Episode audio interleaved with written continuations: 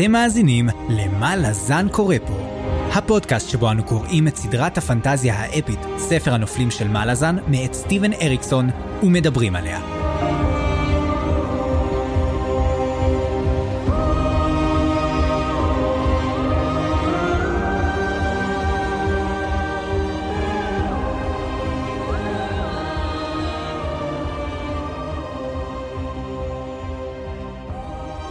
אני צפריר, ואני חיים. והיום פרק מספר 38, שבו אנחנו הולכים לדבר על פרקים 9 עד 11, ונסיים את החלק השני, קדמת היום, בספר גאות חצות, הספר החמישי בסדרה.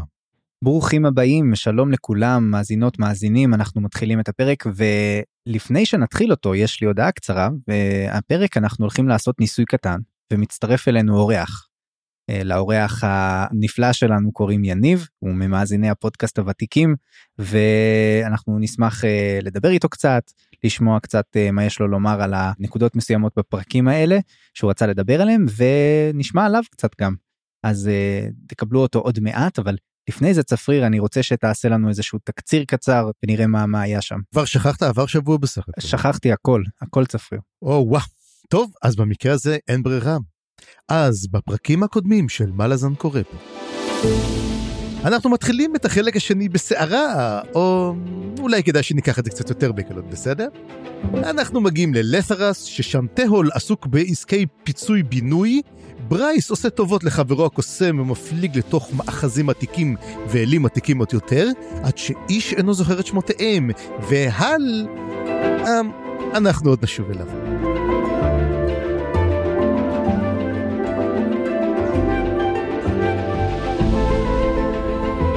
בסרס עצמה הקרקע לא יציבה. כמו בית האזף שמתחיל לגבוה לאיתו, ומתוכו מתחילים לצאת יצורים נוראים מהעבר הרחוק. היחידה שעוצרת אותם היא קטל הקטנה הקוטלת המיומנת, שמגנה על תהול מפני גרון אבריקט.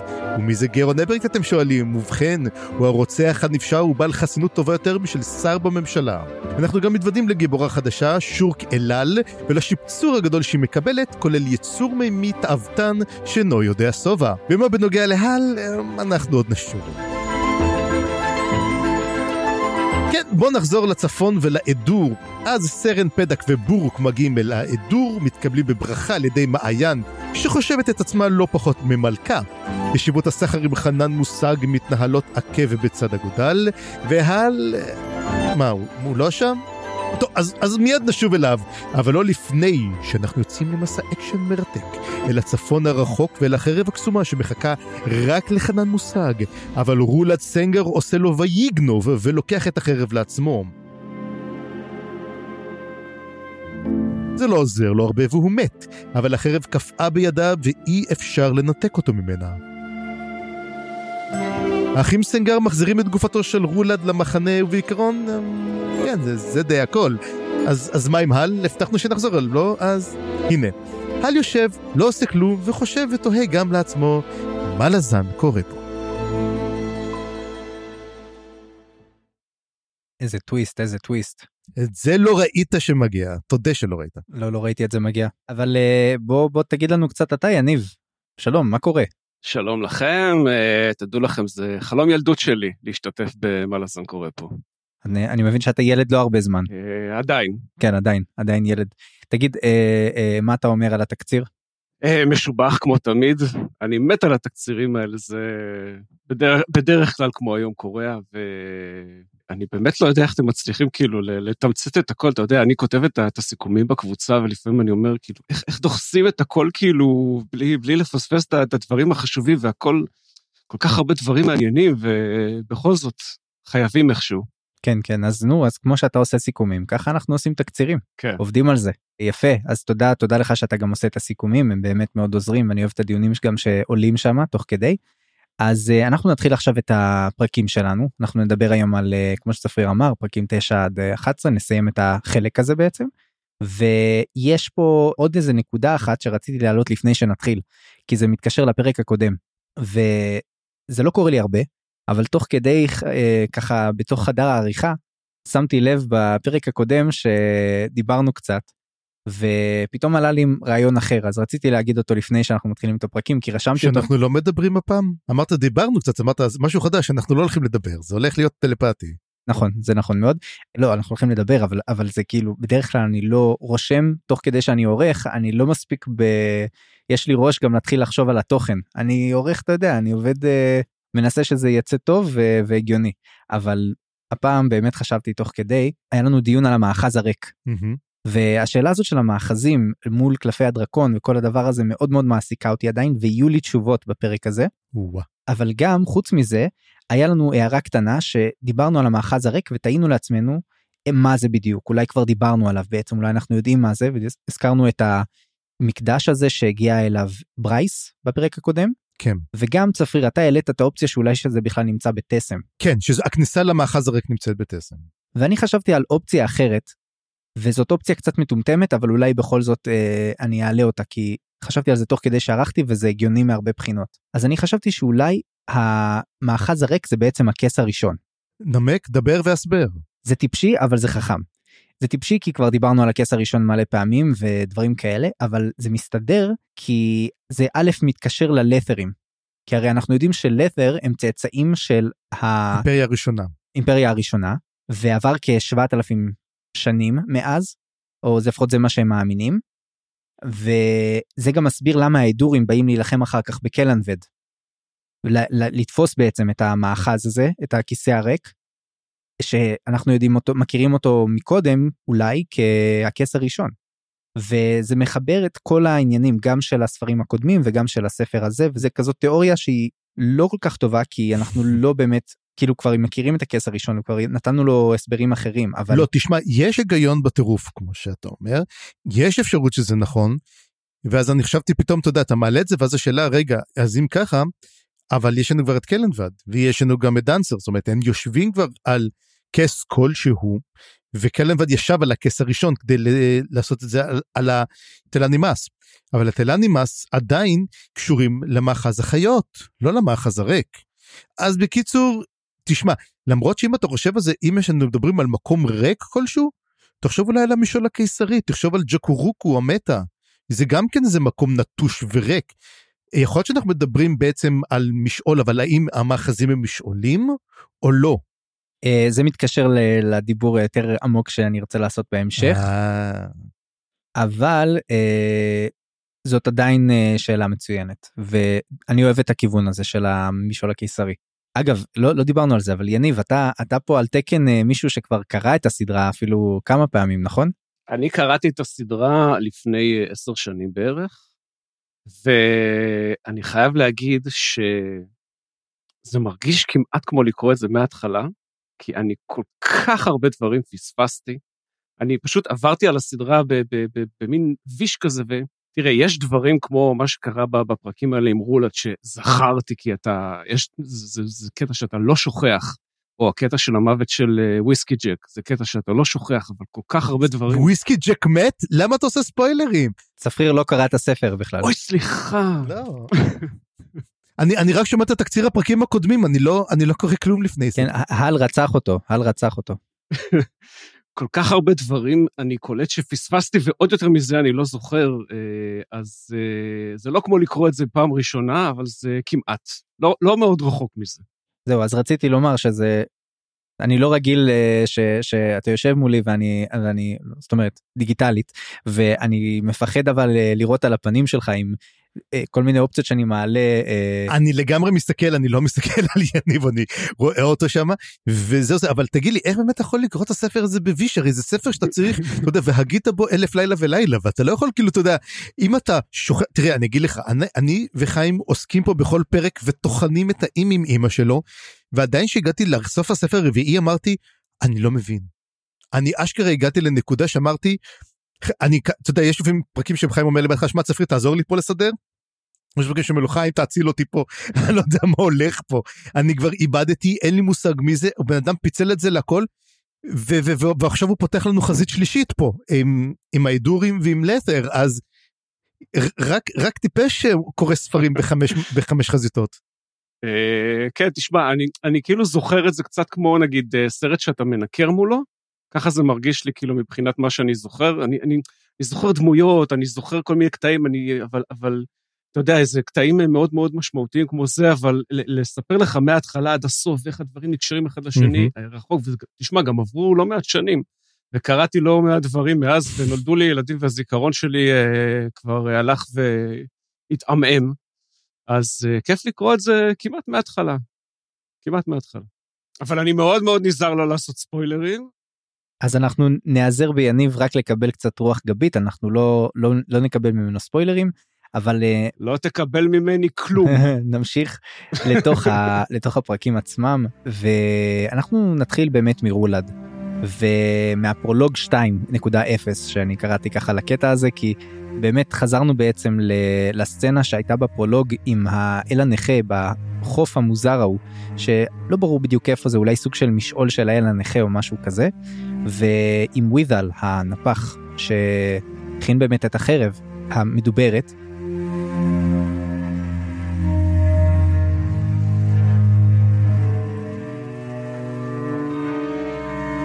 ואנחנו בעצם אה, חוזרים לאותו מקום, פוגשים את ווידל שמוצא בעצם דמות על החוף ואנחנו לא מגלים שזה רולד עד הסוף אני מאוד אהבתי את הריביל הזה כי תוך כדי גם כמובן אה, הספקתי כבר לרשום תיאוריה הבן אדם הזה זה רולד ואז זה כאילו כבר אה, התממש ואגב אה, גם פגשנו שוב את הנחתים האלה נכון אתה הבנת מה הקטע של הטקס חיזור הזה שם של הנחתים? מה הקשר שם או שזה סתם בשביל לבנות לנו קצת את התפאורה? אני בטוח שזה לא סתם.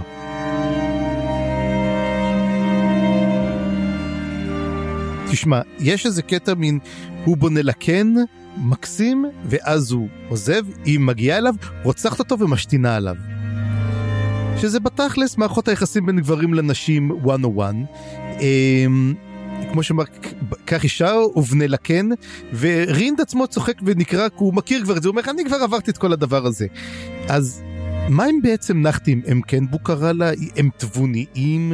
הם בטוח תבוניים, הם יכולים, הם הרי עזרו לו ב... בשביל לנפח, אתה יודע, אגב, החרב גם לא משהו.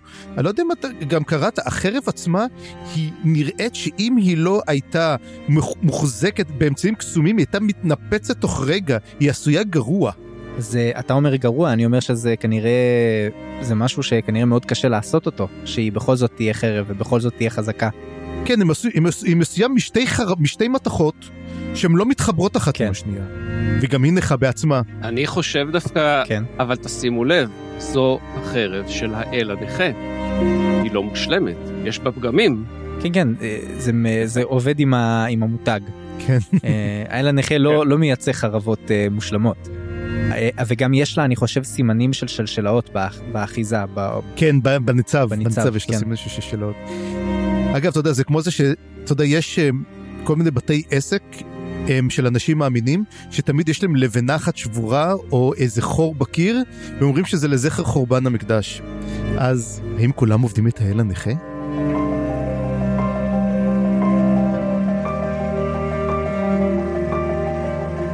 יש בזה משהו. האם זאת קונספירציה אחת גדולה? אנחנו מזכירים אותו בכל חופה, אנחנו שוברים את הכוס ומזכירים את האל הנכה. כן, ומביאים גם חותנת, זה בכלל הסיפור הגדול. כן, זה נכון. בקיצור זה כן אני לא הבנתי מה הקטע של הטקס של הנחתים אבל אתה יודע יש לנו הרבה חיזורים בפרקים האלה אז אולי זה מקשר אותם. חיזור במובן הרע של המילה הייתי אומר. כן אה? אז יאללה אז בוא בוא נדבר באמת על, על אה, המונולוג של האל הנכה. כי לדעתי הוא אחת הנקודות המעניינות ביותר בפרקים האלה והוא גם קושר אותה ממש חזק את שלושת הפרקים שנדבר עליהם. האל הנכה יוצא פה למונולוג ממש ממש ארוך ואני לא יודע אם היה מונולוג כל כך ארוך בפרקים בספרים עד, עד כה אתם זוכרים משהו כזה? חושב משהו כמו שני עמודים או שלושה.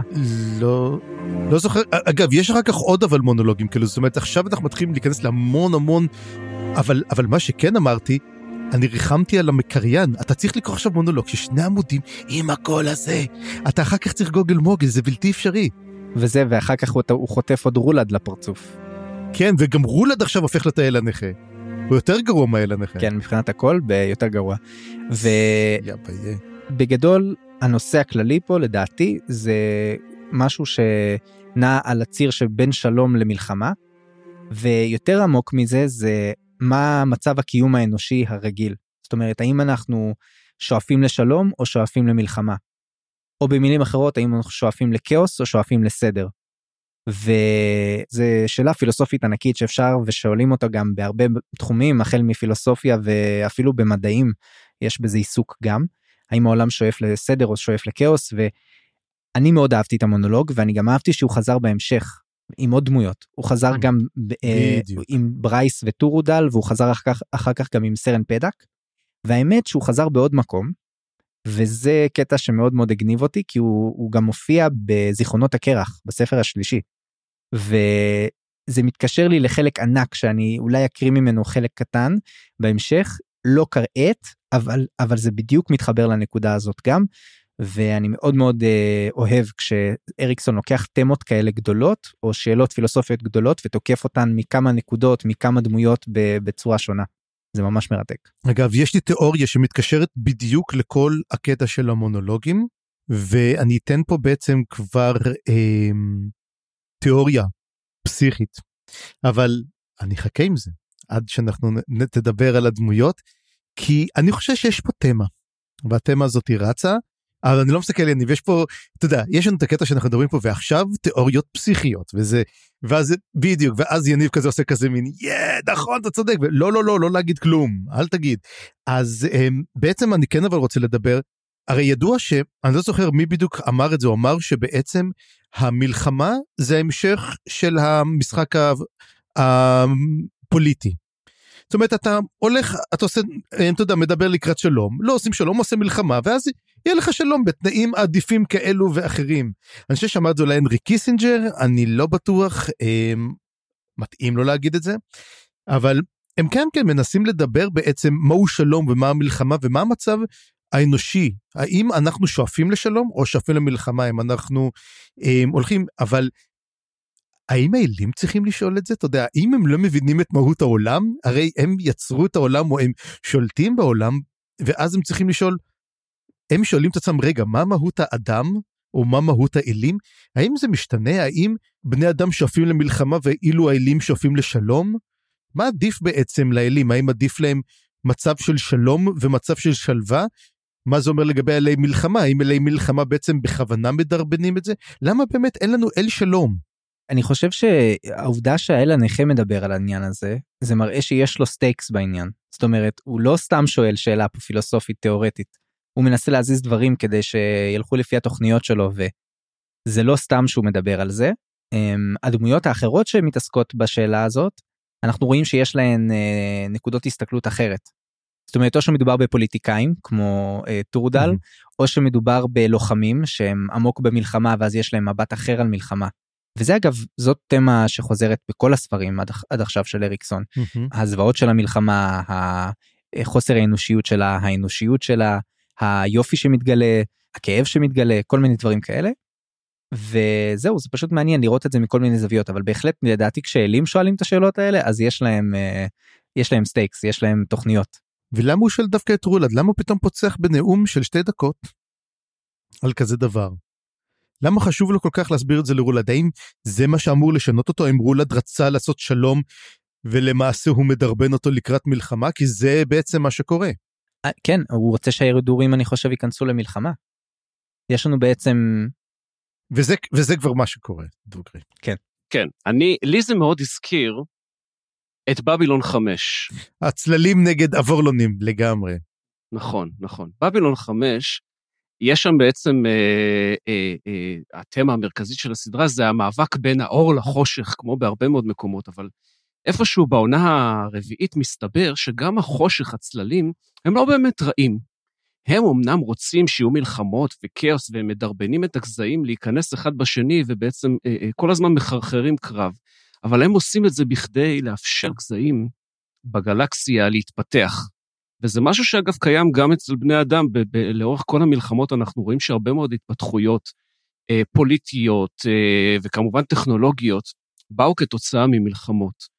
ואני חושב שהאל הנכה גם כן מדבר על זה, כי הוא בעצם אומר, תראו, בזמן שלום, מה שקורה זה התפתחות של שחיתות. כל הפקידים מתחילים לקבל שוחד, כולם מתרגל, מתרגלים בעצם למצב הקיים, ו, ו, ומתחילה איזושהי אה, אה, אה, נסיגה חברתית בעצם למצב שהוא לא טוב. לכן דווקא מתוך הכאוס יכולה לבוא התפתחות חברתית, יכול, יכול לבוא משהו יותר טוב. ובעניין הזה, מה שמעניין פה, אני חושב, זה שהאל הנכה פתאום לא כל כך בטוח שהוא האיש הרע בסיפור הזה. כלומר, הוא נראה לנו הנבל הקלאסי, אבל דווקא בנאום הזה, כשהוא מסביר בעצם מה עומד מאחורי המניעים שלו, אנחנו מקבלים דמות שהיא יותר עמוקה, יותר עגולה, ומתחילים להבין בעצם מי זה האל הנכה, ואני חושב שזו פעם ראשונה שאנחנו רואים את זה בספרים עד עכשיו. אני חייב אבל להגיד שעדיין הוא לא קיבל אמפתיה רבה ממני.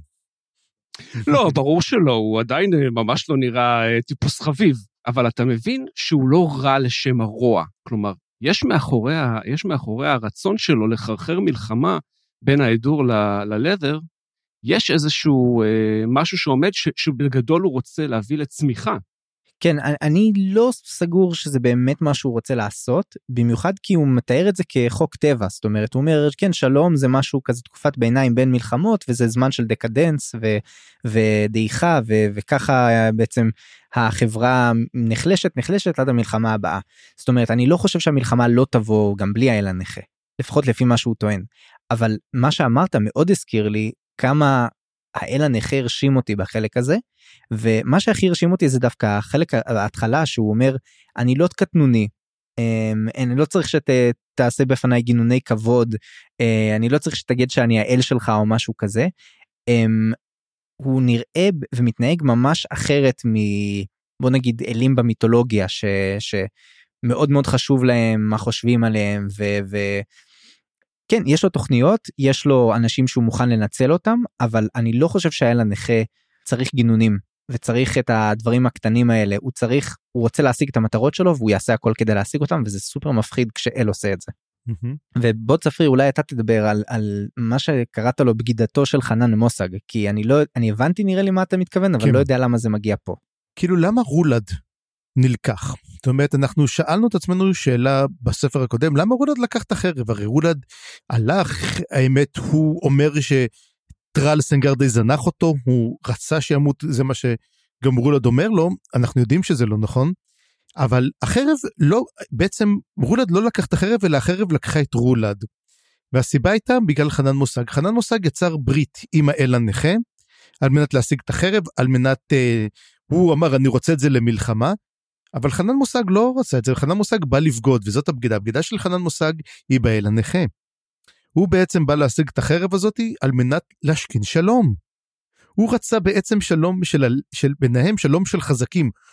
אנחנו רואים בדיוק גם שמגיעה משלחת הסחר של אה, הלת'רים, אנחנו רואים בדיוק שמגיעים כבר בעוז ועיזוז עם כל החובות שלהם, וחנן מושג כבר יודע לצאת מזה. ועכשיו תבין שחנן מושג, מה הוא היה עושה? הוא היה משתמש בדיוק אותו דבר, עושה את אותו דבר, אבל מזיז אותם אחורה, הוא היה נותן להם שליטה, שוב פעם, כמעט בלעדית של ההידור, והיה מרחיק את הלת'רים מעליהם. אני לא חושב שהיינו מגיעים למלחמה, וחנן מושג דווקא מצטייר, במיוחד גם בקטע יותר מאוחר, כטיפוס שהוא לא כזה נורא. הוא הרע במיעוטו. הוא כן התכוון עם האל הנכה, אבל הוא אמר אני חכם יותר מהאל הנכה. ולכן, אבל האל הנכה קצת יותר חכם, הוא, הוא ראה לליבו, איך אומרים, רואה בוחן לב וכליות, ראה את רולד, ראה שיש לו הרבה הרבה בעיות, והוא מנצל אותן אחת-אחת.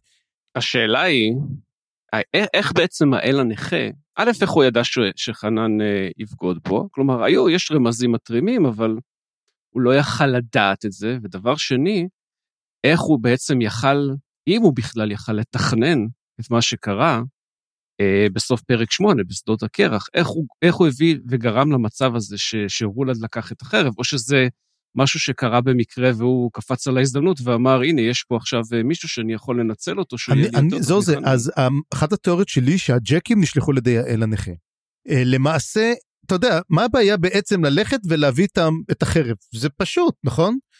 ומי אלו הג'קים בכלל? אנחנו מתברר לנו בכלל הפרק הזה שהם בכלל סול טייקנים. כאילו, מאיפה הם הגיעו? מה, הם בנתיב ידיים משלהם? האם הם חשבו שהחרב הזאת תעזור להם? בהתחלה שאלתי אולי, לא, אבל זה עם שהוא סול טייקן, ואז אמרתי לעצמי, הרי אם תחשבו כזה דבר, אם למעשה היה להם הם את החרב, הם היו פשוט לוקחים אותה, סוגרים אותה, ולוקחים אותה לחנן מושג. הדרך היחידה שזה לא יקרה זה לשים מישהו ליד החרב, לשלוח אליו אויבים, ולא תהיה לו ברירה אלא להרים את החרב. ואז עכשיו השאלה שלי, האם רולד נבחר בכוונה, או שזה היה יכול להיות כל אחד מהאחים סנגר? דעתי כן, אני חושב שזה קשור לעובדה שהיה את כל המתיחות הזאת בינו לבין טרל כבר הרבה זמן. זה יכול להיות רמז לכך שהאל הנכה אולי התחיל לשחק עם רולד כבר מוקדם יותר. בדיוק. הוא כביכול אמר שהוא נרדם ולא נרדם, והוא בעצם גרם לו כמו ל... הוא לא רע, ואז הם גנבו להם את כל האוכל, וזה הג'קים עשו את זה, הג'קים יכלו להרוג אותם כל רגע. הם לא באו להרוג אותם, שים לב. הם לא הורגים, הם רק הורגים את רולד, ורק אחרי שהוא תופס את החרב. ויש עוד עניין, זה העניין שהדרך הכי טובה לגרום לזה שיקרה משהו עם החרב, זה להגיד לכולם, אבל אסור לגעת בחרב. אוקיי? כאילו אף אחד לא נוגע mm-hmm. בחרב, רק תביאו אליי את החרב, אבל אל תיגעו בחרב, אוקיי? זה, זה דרך מצוינת, זה בדוק. טוב, אבל בוא, אנחנו כבר מדברים על זה, על מה קורה אחרי, אז, אז בוא, בוא נזכר קצת אה, באמת מה קרה ברגע שהם חזרו, כי היה, יש פה מין אה, טריק ספרותי מצוין, שאנחנו מקבלים את הסצנה הזאת עם האל הנכה, ואחר כך אנחנו מקבלים שוב את האחים של הסנגרים שחוזרים בעצם מהמשלחת ומתחיל כל הטקס חניטה של של אה, רולד שאודינס עושה לו ואנחנו כל הזמן הזה חושבים לעצמנו רגע רגע רגע אבל רולד לא באמת מת. זאת אומרת כבר ראינו אותו עם האל הנכה שם על החוף וכל העניין הזה וזה יוצר uh, סצנה מאוד מוזרה ומתוחה שם כשהוא uh, חונט את הגופה ושם עליה את המטבעות כ, כידוע כל הטקס הזה של המטבעות ואני מאוד אהבתי את, ה, את העניין הזה את המתח הזה אבל נזכר רק גם בזה שכשהם חזרו אז יש לנו בעצם בלגן שם. יש לנו את סרן פדק ובורוק ואנחנו נמצאים כמה ימים לפני המשלחת המשלחת אמורה להגיע עוד ארבעה ימים בשלב הזה. ואנחנו בעצם מקבלים כמה שיחות שמה חלקן חשובות יותר חלקן פחות אני רוצה שנתמקד בשיחה בין טרל לפיר כי זאת הייתה שיחה שבעצם הייתה מאוד חשובה לאור מה שהולך לקרות אני חושב. קודם כל אנחנו מקבלים שם את העניין של התהיות על החרב בפעם הראשונה שטרל מעלה. אמ, אז זה שהחרב היא מה שאמרנו היא מאוד מוזרה היא, היא נראית שבורה היא נראית שלא שהיא לא אמורה להחזיק יש בה פגמים כמו שאמרנו וחוץ מזה אנחנו מדברים על הבגידה של חנן ואני חושב שגם אנחנו מתחילים לראות שזה שהאל הנכה בוחר בח, ב, ברולד זה גם סוג של בגידה בחנן ואנחנו יכולים לראות את זה כבגידה של חנן ובגידה בחנן. אז בוא יש לכם משהו להוסיף על העניין או שנדבר על החניתה עצמה. בוא נדבר על החניתה. תקשיבו איזה סצנה זאת זה סצנה מסרט אימה אני חושב אחד לאחד. מדהים מדהים. זה ארוך זה לוקח המון זמן מתואר כל דבר לפרטים ואנחנו יודעים שיש הבדל הרי אה, בין חניתה של אנשים חשובים אנשים לא חשובים אה, לוחמים שכבר יצא להם להילחם או לוחמים שלא יצא להם להילחם.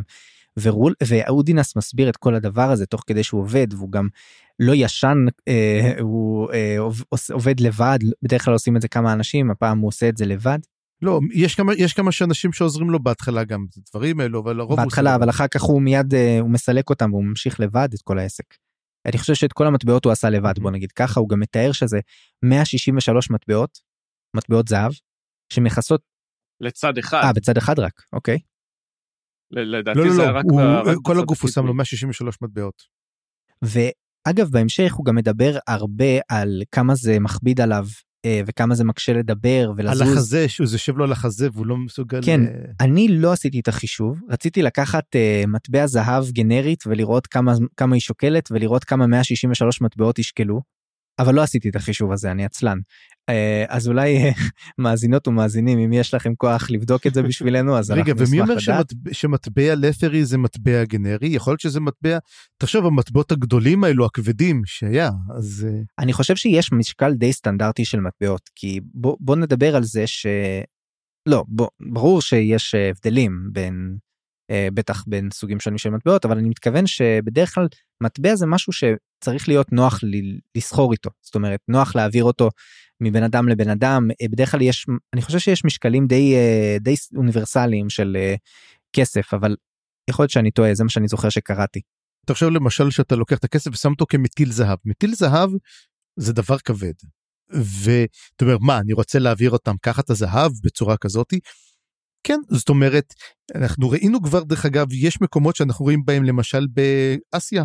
מטבעות מאוד קטנים עם חור דברים מאוד מאוד קטנים שאתה יודע אתה משתמש בהם לכל מיני דברים ולעומת זאת תלך לדרום אמריקה מטבעות גדולים כבדים ממש אז כאילו מאוד מאוד תלוי גם כן מה הם העריכו שים לב גם כן שהשמות של ה...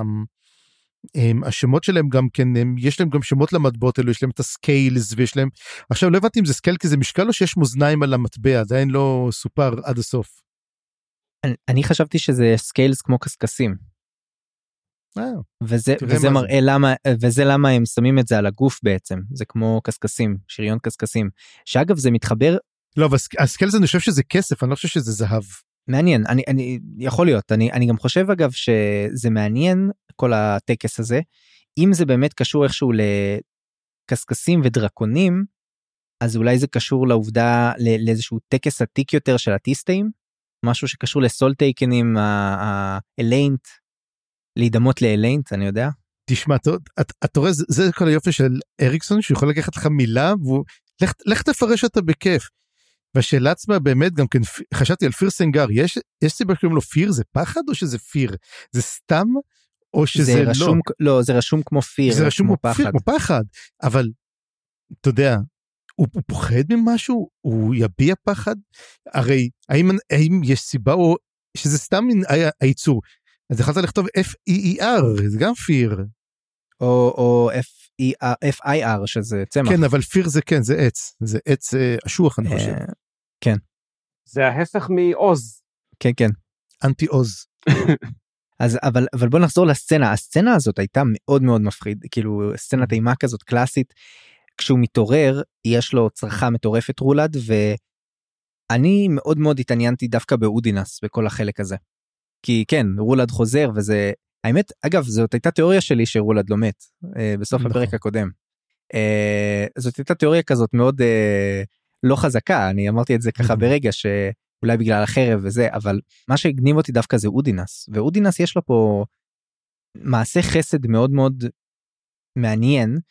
אני תוהה לעצמי אה, כמובן הוא, הוא דואג לו הוא מדבר אליו הוא מחלץ לו את העיניים את המטבעות מהעיניים בהתחלה ואת שאר המטבעות הוא לא נוגע בהן אבל אני תוהה לעצמי אם החסד הזה ש, שאודינס הביע בעצם גורם בהמשך לזה שהוא ייקח אותו לעצמו כעבד. זאת אומרת הוא ייקח אותו מאימא שלו.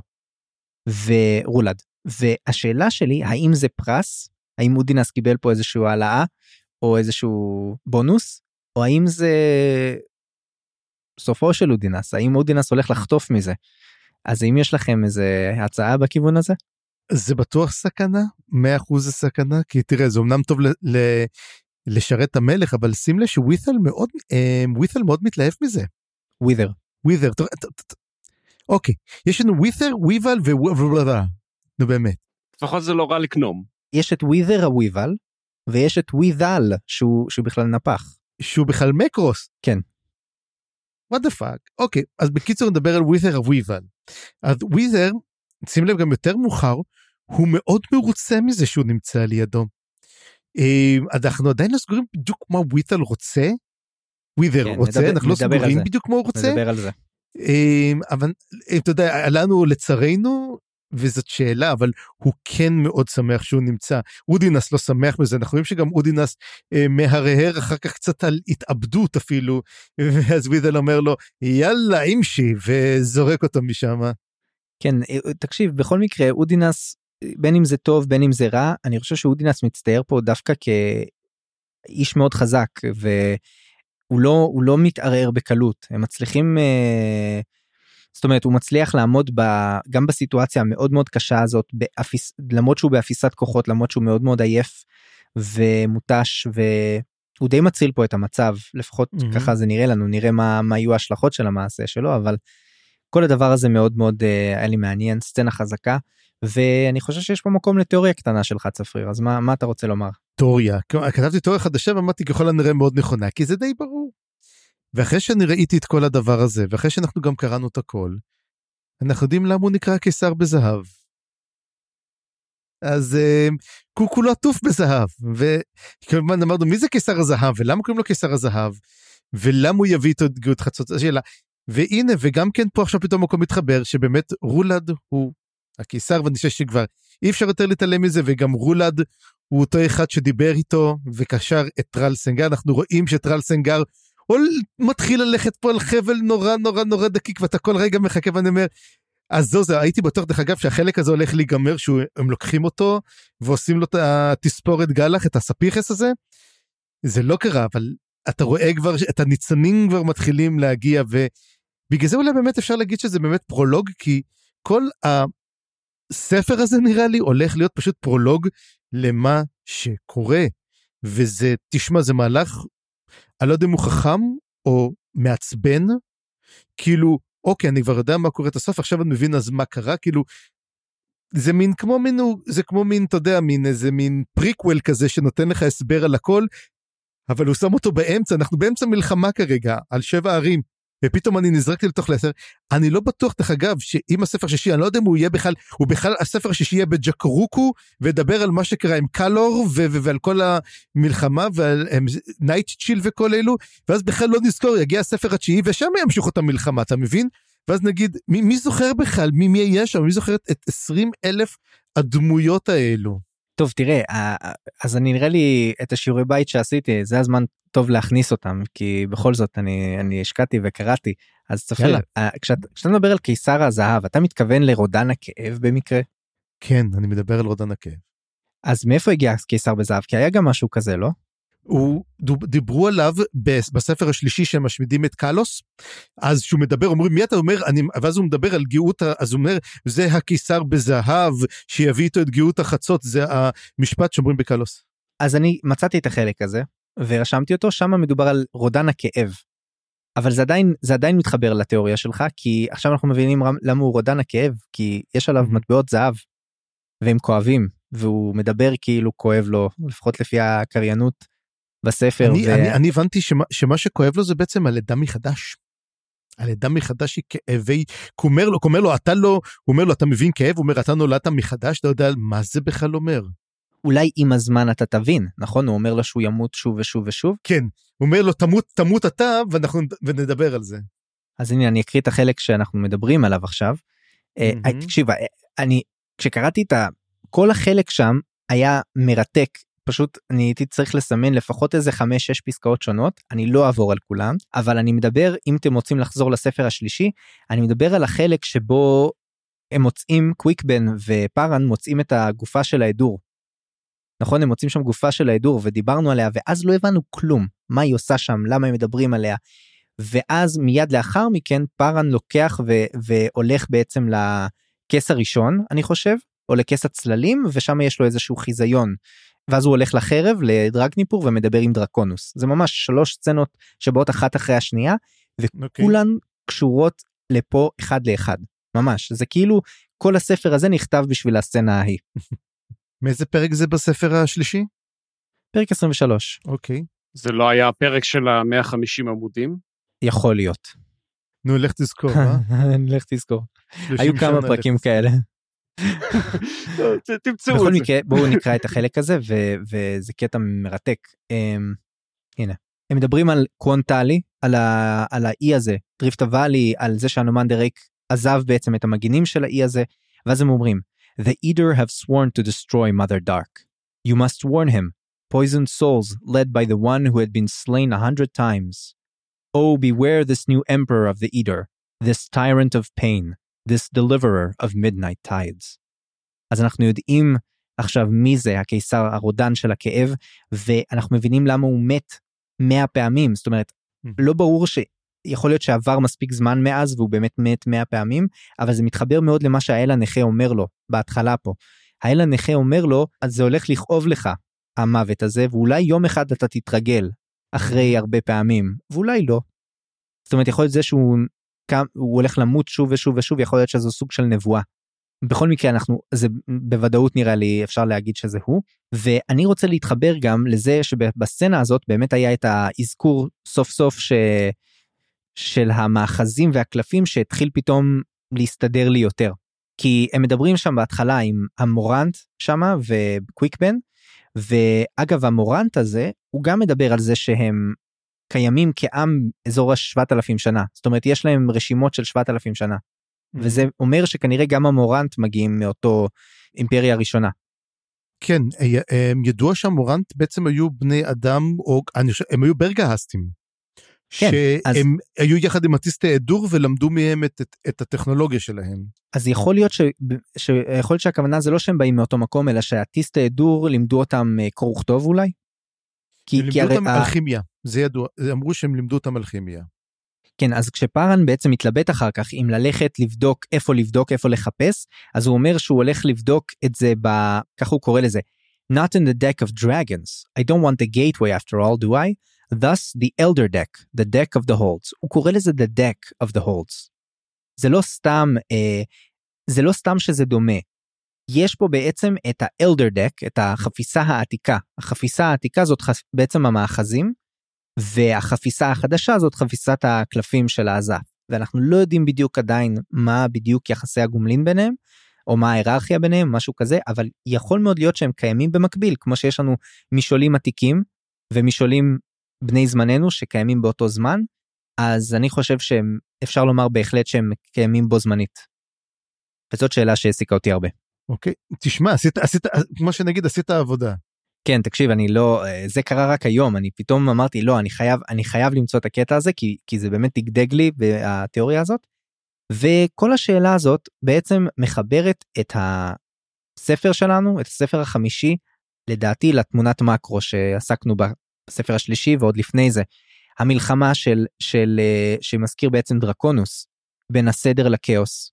אנחנו מבינים שהאל הנכה באמת עומד מאחוריה, ובצד השני עומדת האפלה, זאת אומרת מלכת החושך, תיאם, שכנראה היא זאת שאחראית לסדר. או זו, היא זאת שבעצם הקריבה את עצמה, או מקריבה את עצמה שוב ושוב ושוב כדי שיהיה סדר. ותגידו לי אם זה נשמע לכם פסיכי, אבל לדעתי זה גם מתחבר לשאלה של המונולוג. האם העולם שואף לסדר או העולם שואף לכאוס? האם אנחנו שואפים למלחמה, שואפים לשלום? אה, והאם זה מתחבר כל השאלות האלה ביחד, או שזה סתם אני עושה מישמש? אני חושב שזה, שזה עניין של איזון, כמו, כמו בהרבה הרבה סרטים וסדרות שאתה בעצם מדברים על האיזון הזה בין סדר ו- וכאוס, שאתה לא יכול בשום מקרה אה, להיות רק בצד אחד, אתה כל הזמן מתנדנד בין זה לבין זה, ואתה צריך תמיד שיהיו לך את הגורמים המאזנים מול הגורמים הכאוטיים.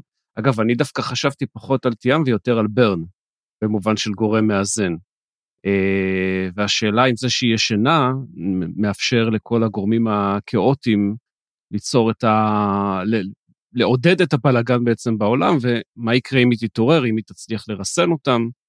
זה לפחות מה שאני חשבתי בשלב הזה. מעניין. אה, ברן מרגישה לי בשלב הזה כמו אה, אזיקון משוכלל. זאת אומרת, היא יותר משתמשים בה כמו איזשהו כלא. אה, לא, ש... לא מזלזל בה כנראה בחשיבות ובהקרבה המטורפת שלה, וגם קלאדן ברוד, כי הוא הרי היה אהובה, לא? אה, אז בלי לזלזל בזה אני לא חושב שזה בהכרח קשור כל כך למלחמה הקוסמית למעט באמת הכלייה של האל הנכה. שאנחנו לא יודעים אגב שוב גם המלחמה הקוסמית הזאת היא, היא מאוד מעניין איך היא אה, קשורה באמת לאל הנכה כי האל הנכה לא משתתף בה בצורה אקטיבית זאת אומרת הוא לא ה... הוא מנהל את הרודן את, ה... את ההוא שהולך אה, שצועד לכיוון אה, מצעיד את העולם לכיוון כאוס. לא יודע אין לי מושג. נקודה אחרונה ונחזור באמת לעלילה שלנו. צפריר אתה זוכר שדיברנו בסוף הפרק הספר הקודם כשסיימנו אותו ודיברנו על ה... הנספחים. כן כן שדיברנו על הנספחים אז הסתכלנו על החפיסות ודיברנו על בית שלשלאות גבוה mm-hmm. וראינו שם שקלור שחשבנו שהוא יהיה המלך הוא ריבר. אז אני חושב כן, שבשלב הזה המלך אז המלך זה כנראה רולד עכשיו אפשר לומר בוודאות. המלך בשלשלאות כן the king in chains. טוב אז אז אה, אז בואו נמשיך uh, קדימה ו, ונסביר באמת איך הוא הופך להיות. רק רק מילה רק מילה אחת רק מילה אחת על, זה. אני חושב על החרב כהשלשלאות של המלך. כי עם זה שהיא נותנת לו המון המון כוח, היא גם בעצם זאת שקולט אותו בתוך, ה, בתוך בית השלשלאות. והוא גם uh, איבד את הזכות והיכולת המאוד מאוד בסיסית של כל יצור חי למות. כן, והיה שם נקודה, תזכיר לי אם אני, אם, אם זה היה בדיוק זה, אבל היה שם נקודה שווית'ל, אני חושב, דיבר על, על הוד. הוא אמר, הוד, uh, תתחפף, כבר לא צריכים אותך פה. והוא אמר את זה אבל בצורה כזאת מאוד מרירה אני חושב שלזה הוא התכוון משהו כזה. אז בוא בוא נחזור באמת ונסביר איך איך אה, רולד באמת הופך להיות הקיסר כי כל ה... ה היה פה בעצם power play פסיכי שהוא חוזר הרי לתחייה ואחרי זה כשהוא מתאושש כבר נפגשים כל, ה, כל האנשים שם ויש מתח גדול מאוד כי בעצם זאת משפחה מאוד מאוד רצינית משפחת סנגר ואם יש בינה, בינה לבין המלך קרע יכול להיות שכל הפדרציה הזאת אה, תיפול והשבטים יתפרקו או משהו כזה. אבל אז um, יש לנו power play פסיכי של רולד שלא רק uh, חזר לתחייה ולא רק uh, הוא, הוא מצליח לתפקד למרות המטבעות האלה ולמרות הכאב שלו וכל הדברים האלה, הוא מאיים על חנן בעצם מאוד. כי א' הוא יודע מה באמת קרה הוא יודע הוא יודע שחנן uh, הלך לאל הנכה במקום לאיזשהו אל, אל קדום של ההדורים שזה מה שהם חשבו בהתחלה אבל הרי ידענו שקסקבנארי כבר מת או, או לא בחיים לפחות. ובעצם הוא עושה עליו אה, מניפולציה פסיכית ומשתלט, משתלט על אה, כל הטיסט ההדורים. והשאלה שלי היא בכל זאת, לי הרגיש שחנן הופך להיות טאטה למהר מדי. וזאת הייתה הנקודה היחידה שלא היה לי ברור אם אני מאמין, שאם זה נשמע לי אמין, איך ש... כי גם דיברנו על זה שפיר לא מפחד, פיר מאוד מפחד. כפיר מהר מאוד מתקפל תחת אחיו הקטן. היחיד ש... הוא הראשון שקורע ברך. נכון, ומאוחר יותר חנן קורע ברך יחד עם כל הקוסמים שלו גם, ורק טרל לדעתי עוד יש בו איזשהו, איזושהי התנגדות קשה מאוד כלפי אחיו, ואנחנו נראה באמת איך זה יתקדם, אולי זה באמת מה שיוביל לסילוק שלו ולהחרמה שלו מאוחר יותר, אבל לי הרגיש שחנן מתקפל מהר מאוד אז מה יש בעצם אולי הדבר היחיד שיכול להיות פה הגיוני מבחינתי זה שחנן מבין שהאל הנכה באמת בחר ברולד אחרת לא, הוא לא יכול היה לחזור לחיים ואז חנן אומר אם אני באמת צריך עכשיו ללכת ראש בראש עם האל הנכה אני לא עושה את זה אני מתקפל. אני חושב שהוא just biding his time אתה יודע הוא אומר כזה אוקיי רולד הוא מת פעם אחת הוא ימות עוד פעם שנייה עכשיו הם רק יבדקו את הכשפים שיש להם כי הוא אומר, תשמע, יש לו המון המון כוחות, יש לו את כל הקריסנן מאחוריו. אנחנו לא יודעים עדיין, זוכר את כל היצורי אימה האלו, הוא אומר, יגיד, יופי, הוא יח... מה הוא עושה בעצם? הוא אומר, אני אתן בעצם לרולד את כל המלאכה הקשה של הרכבת ממשלה, הוא יאחד את כל המקומות, הוא יעשה את כולם, הוא ילך איתם, יופי, יש אימפריה, יופי, השתלטנו על האימפריה, הוא ישתלט על כל, הוא ינצח את לסר, הוא ימות, ואז אני אקח את הכל. אתה יודע, זאת הדרך הפשוטה, והוא אומר, בינתיים אז אני קורא ברך, אני אתן לו את כל מה שצריך, אני אעשה כל מה שהוא צריך, אבל אני אקח לו את החרב. אמ, אני לא סומך על חנן מושג, הוא יותר מדי חכם בשביל לוותר על זה ככה. אז אתה אומר שהוא הולך עוד לבגוד בו, זאת גם אופציה. תשמע, בגידה זה כבר מין לחם חוק של כל הדמויות אצלנו, כאילו, אתה לא בוגד, משהו לא בסדר, אתה חולה, בוא תשתה משהו. אז כן, אני, די בטוח שחנן הולך לבגוד בכולם. והנקודה האחרונה שאני רוצה להעלות בחלק הזה זה באמת השאלה הגדולה על רולד. רולד הופך להיות בעצם הקיסר של, ה, של האדורים והוא גם לוקח את השם הזה קיסר אז אנחנו מבינים שיש פה משהו יותר גדול. ואנחנו שואלים אולי את השאלה הכי חשובה פה זה באמת מה, מה השאיפות שלו מה הוא רוצה להשיג מה המטרה של רולד. ופה הייתה לי חוסר בהירות ואני חושב שזה קשור לעובדה שמצד אחד יש לנו באמת את העניין האימפריאליסטי אם הם רוצים להיות אימפריה אולי לכבוש את לת'ר אולי לא אולי לכבוש את כל העולם אני לא יודע מה אימפריות רוצות. אופציה שנייה זו מה שהוא בעצם מדבר כשהוא מדבר אל ההדורים הוא מדבר עליו כחזרה הביתה. מה זה אומר חזרה הביתה?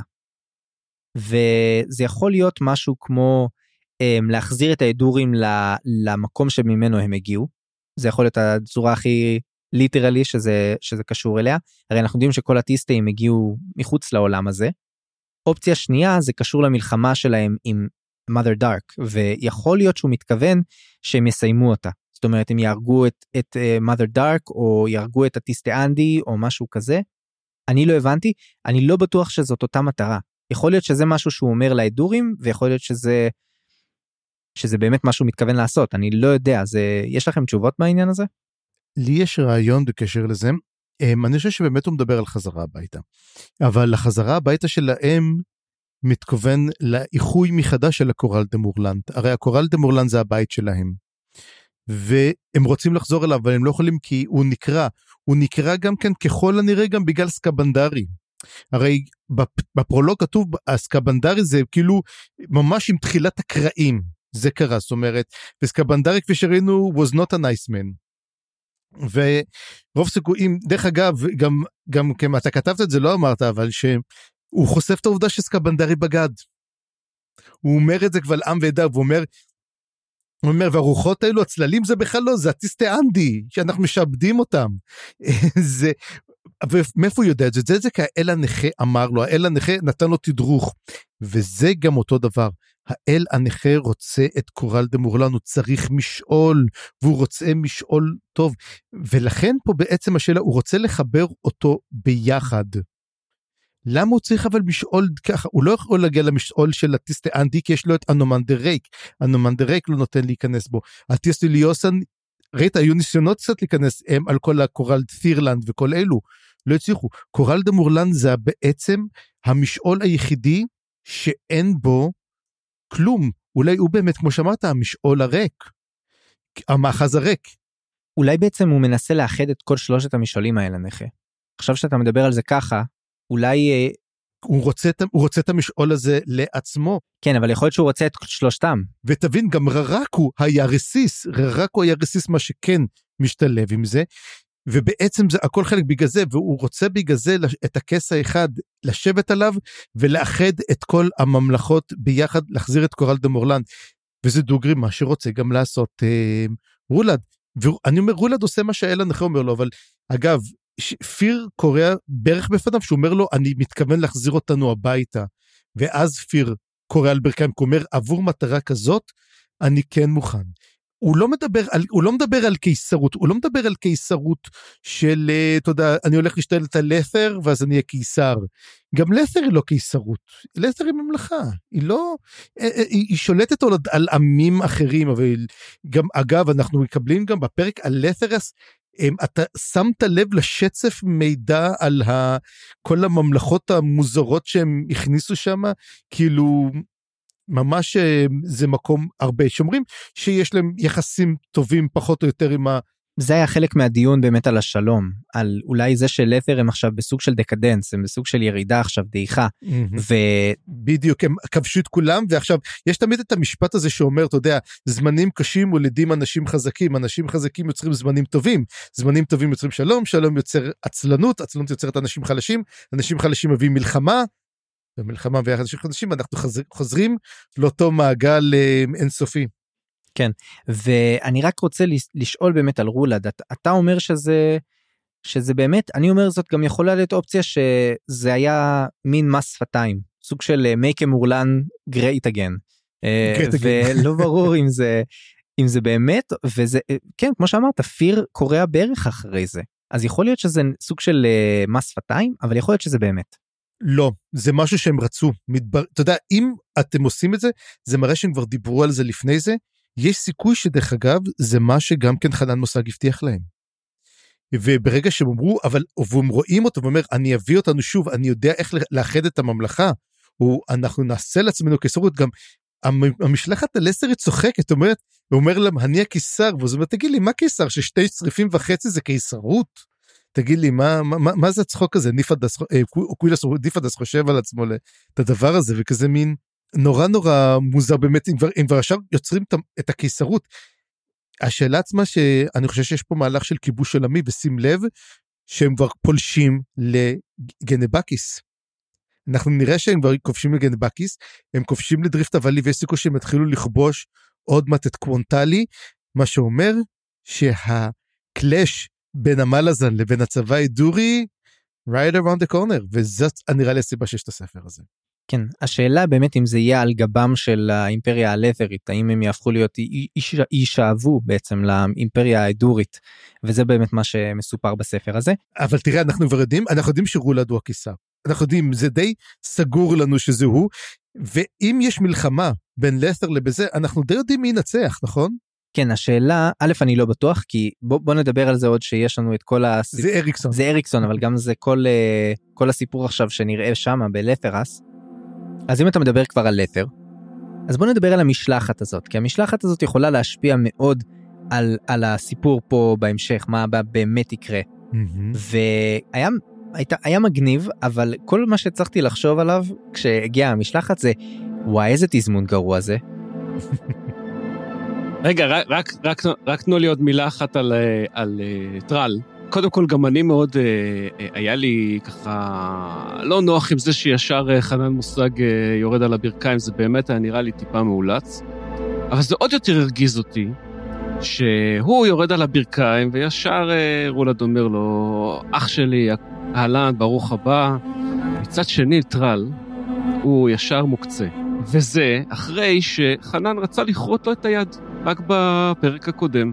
טרל, לעומת זאת, נלחם בשיניים, ודאג שלאח שלו תישאר היד ושלא יכרתו לו אותה, והוא לא יודע את זה, וגם לא זוכר לו על זה שום חסד, אז זה גם מאוד הרגיז אותי ברמת החוסר צדק. תשמע, הדרך, הדרך לגיהנום רצופה בכוונות טובות. כן. אבל מבחינתו גם הוא חושד בטרל שהוא רצה כן. להרוג אותו, שהוא הרג אותו, זאת אומרת שהוא גרם למותו. הוא לא האמין לו. וגם uh, הוא, הוא, אנחנו לא יודעים אגב, ופה אני, אני, פה אני מעלה שאלה לגבי טרל, אנחנו לא יודעים למה הוא דאג כל כך לאח שלו, אולי זה בגלל שהיו לו רגשות אשם גדולים מאוד. ברור, הוא אומר את זה גם כן, הוא אומר את זה שהוא הוא מתייסר על, על מותו, והוא אומר למה לא עשיתי את זה, הוא רואה את זה קצת כהזדמנות שנייה, אבל הוא, הוא די רואה מעבר לזה, כי בסופו של דבר גם אחרי גם מה שקורה עם מעיין ונדבר, הוא אומר, אה, זה רולד, זה רולד שאני זוכר. והוא אומר כן, אז uh, אני חושב שטרל בהתחלה מנסה להגיד, אוקיי, הוא, הוא, הוא אומר, אני לא יודע אם מי שחזר זה רולד. זה מישהו אחר חזר, זה לא רולד עצמו. אבל אחרי שהוא עושה את הקטע עם מעיין, הוא אומר, כן, זה לגמרי רולד. כן. אני אצטט uh, כתבת מאוד uh, ידועה, ואני אגיד שהוא פשוט ילד קקות. אז יאללה, בואו בוא נחזור למשלחת ו- ו- ונסגור את החלק הזה של ההידורים, כי הוא היה מרתק וארוך ו- ומאוד מאוד מעניין. הפעם אגב יותר מעניין לי מהחלק של לת'ר, אבל, אבל נדבר על החלק של לת'ר עוד מעט, ואתה ת, תסביר לנו למה הוא היה הכי מעניין בעולם, בסדר צפריר? ברור, אני עדיין אומר את זה. לא, אתם, אתם טועים, אתם טועים, אבל אה, לא חשוב.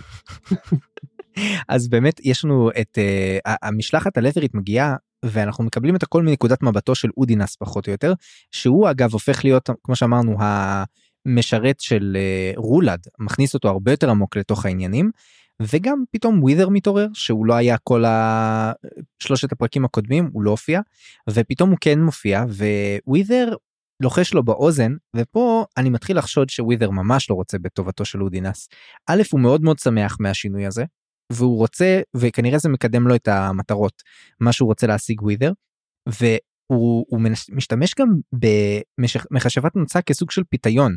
הוא אומר לו נו עכשיו שאתה העבד של, של הקיסר אולי תוכל אה, להשיג את הבחורה שאתה תמיד רצית ואני לא אהבתי את המהלך הזה וחוץ מזה אני תוהה לעצמי ווית'ל מזכיר כמה פעמים שזה רצון הדרקונים.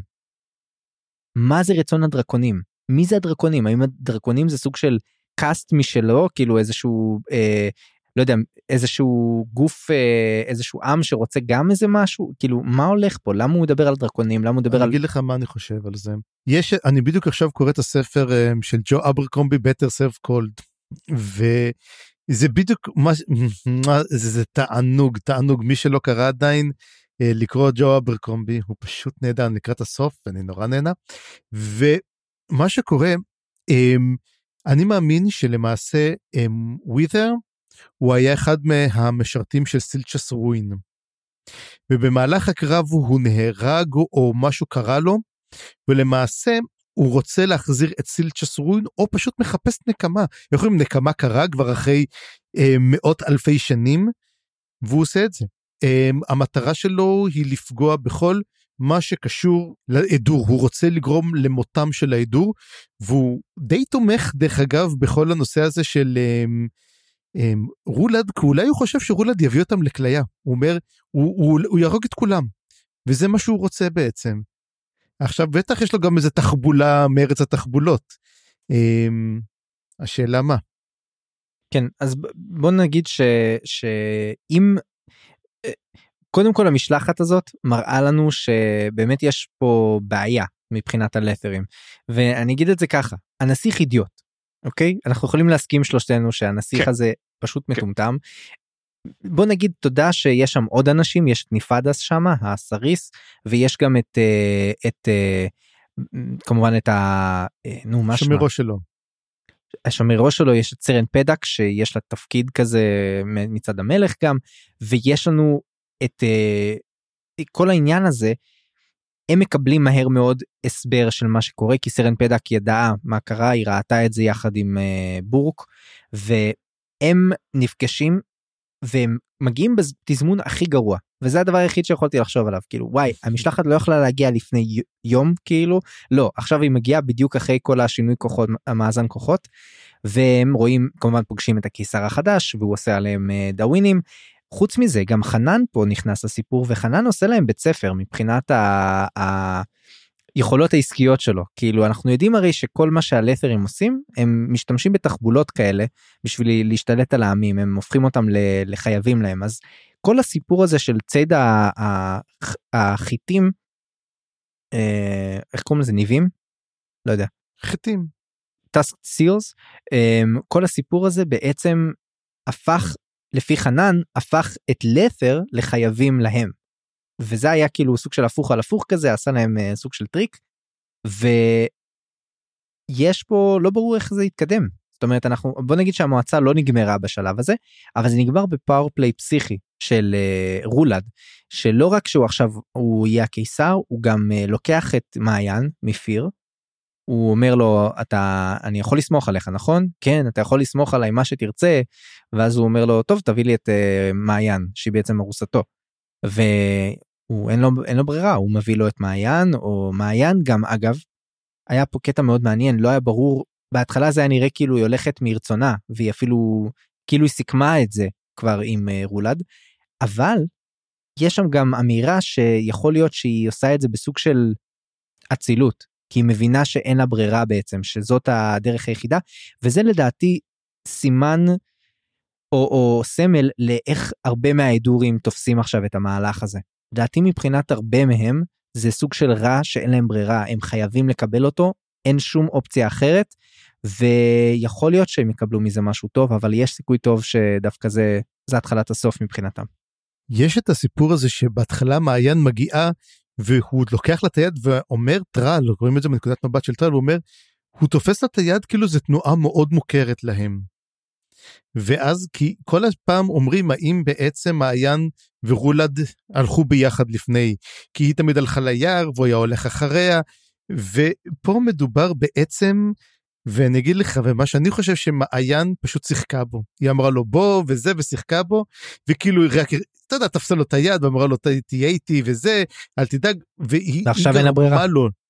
ועכשיו בעצם אין לה ברירה ואומר גם כן טרל היא לא מסתירה את זה טוב הוא אומר כולם רואים את זה שהיא נגאלת ממנו. היא תופסת לו את היד אבל רואים על הפרצוף שלה שהיא נגאלת ממנו הוא אומר לטובת כולנו תצליחי בבקשה להחזיק מעמד כי מה יקרה אם אם לא אם לא תעשי אותו בסדר. כן ואפשר לסכם אני חושב את כל החלק הזה שאנחנו הולכים לכיוון של מלחמה.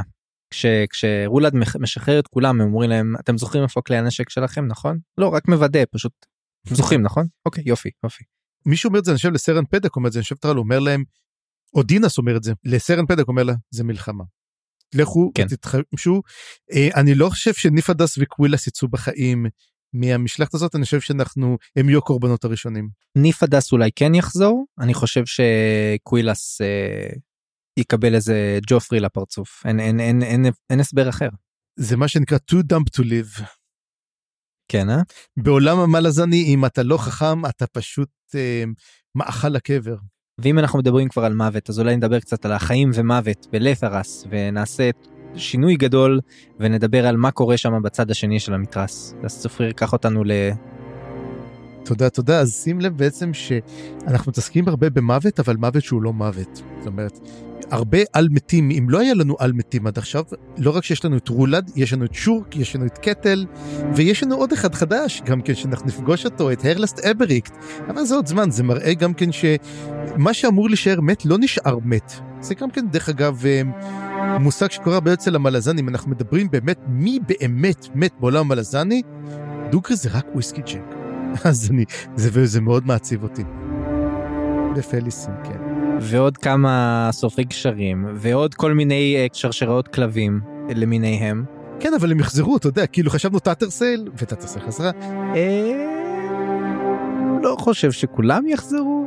זה מה שנקרא אה, חוק שימור החומר באימפריה המלזנית. אז בוא נתחיל לדבר בעצם כרגיל על שלושת אה, בני אה, בדיקט. ורגע, אם כבר נדבר, מה עם הל? הרי הל נעלם, הל, הוא נמצא שם. ואיפה הוא? הל רוצה מלחמה, והוא ידע שהוא לא יקבל את זה עם חנן. השאלה מה יקרה עכשיו שרולד עלה. האם הל יחזור? כן, אבל זה מוזר מאוד, כי חנן מושג הוא זה שהזמין את הל, הרי אומרים לו, למה, אומרים, הוא לא רצוי שם, ניפדס אומר, הוא לא רצוי, למה הוא נמצא שם בכלל? אז אומרים, אמ, החנן מושג הזמין אותו. הוא האורח של חנן מוסאג. חנן, תקשיב, אנחנו, קודם כל אנחנו לא יודעים למה הל כולם כל כך מפחדים ממנו. הוא ירצח את קווילס, זה למה הוא ירצח את קווילס, זה ברור.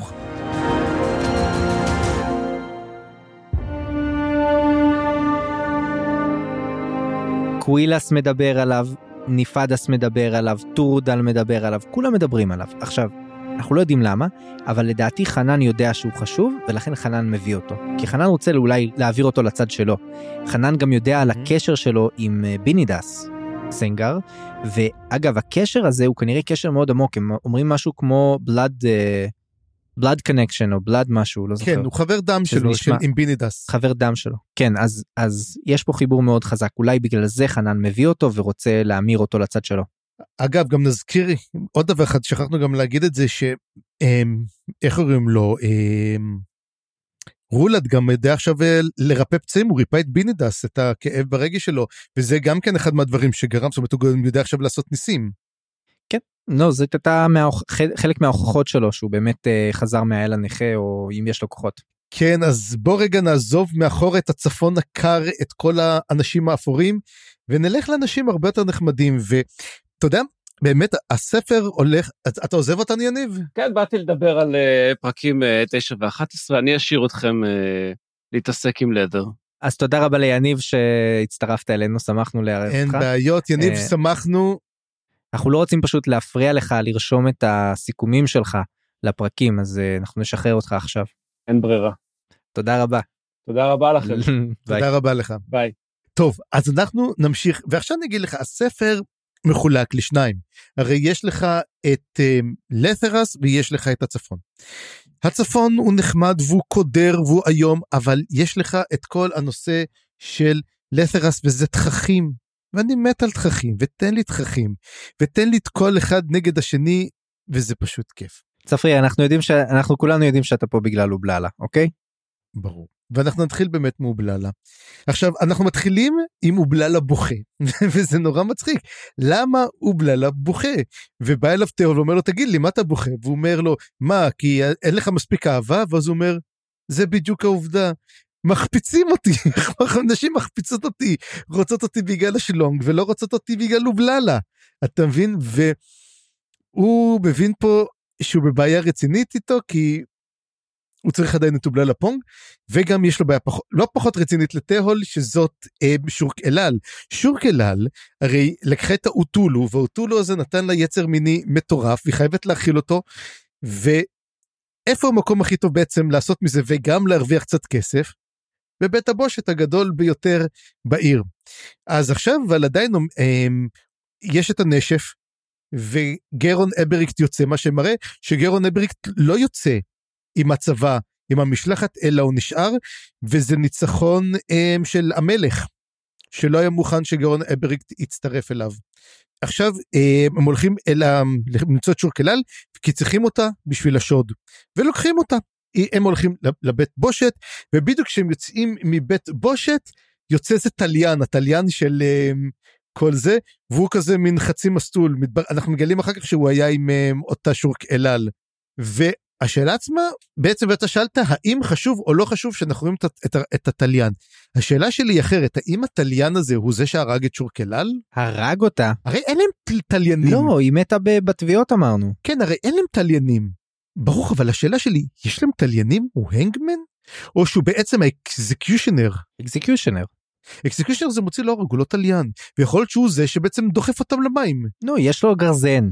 יש לו גרזן. הוא לא מחטט איתו בשיניים, אוקיי? כן, הוא מסובב, הוא מסובב עם הגר... הוא עדיין מסובב עם הגרזן שלו גם בבית הבושת. כאילו. כן. מה אתה מביא את הציוד שלך גם כן? בשביל לעשות רושם כמובן. זה כמו חיילים שיוצאים הביתה עם הנשק. לא, אתה חייב לצאת הביתה. לא, הנשק, יש כאלה שלא אחר. חייבים. ויוצאים, ולא. לא, הם יוצאים למועדונים עם הנשק. יוצאים, כן, יוצאים למועדון למועדון. עושים אה, סיבובי דאווינים, זה מה שאני מתכוון. כן. לא, אז זהו זה, ואז בעצם מבין תהול שיש לו אפשרות להרוג שתי ציפורים בבת אחת, במכה אחת.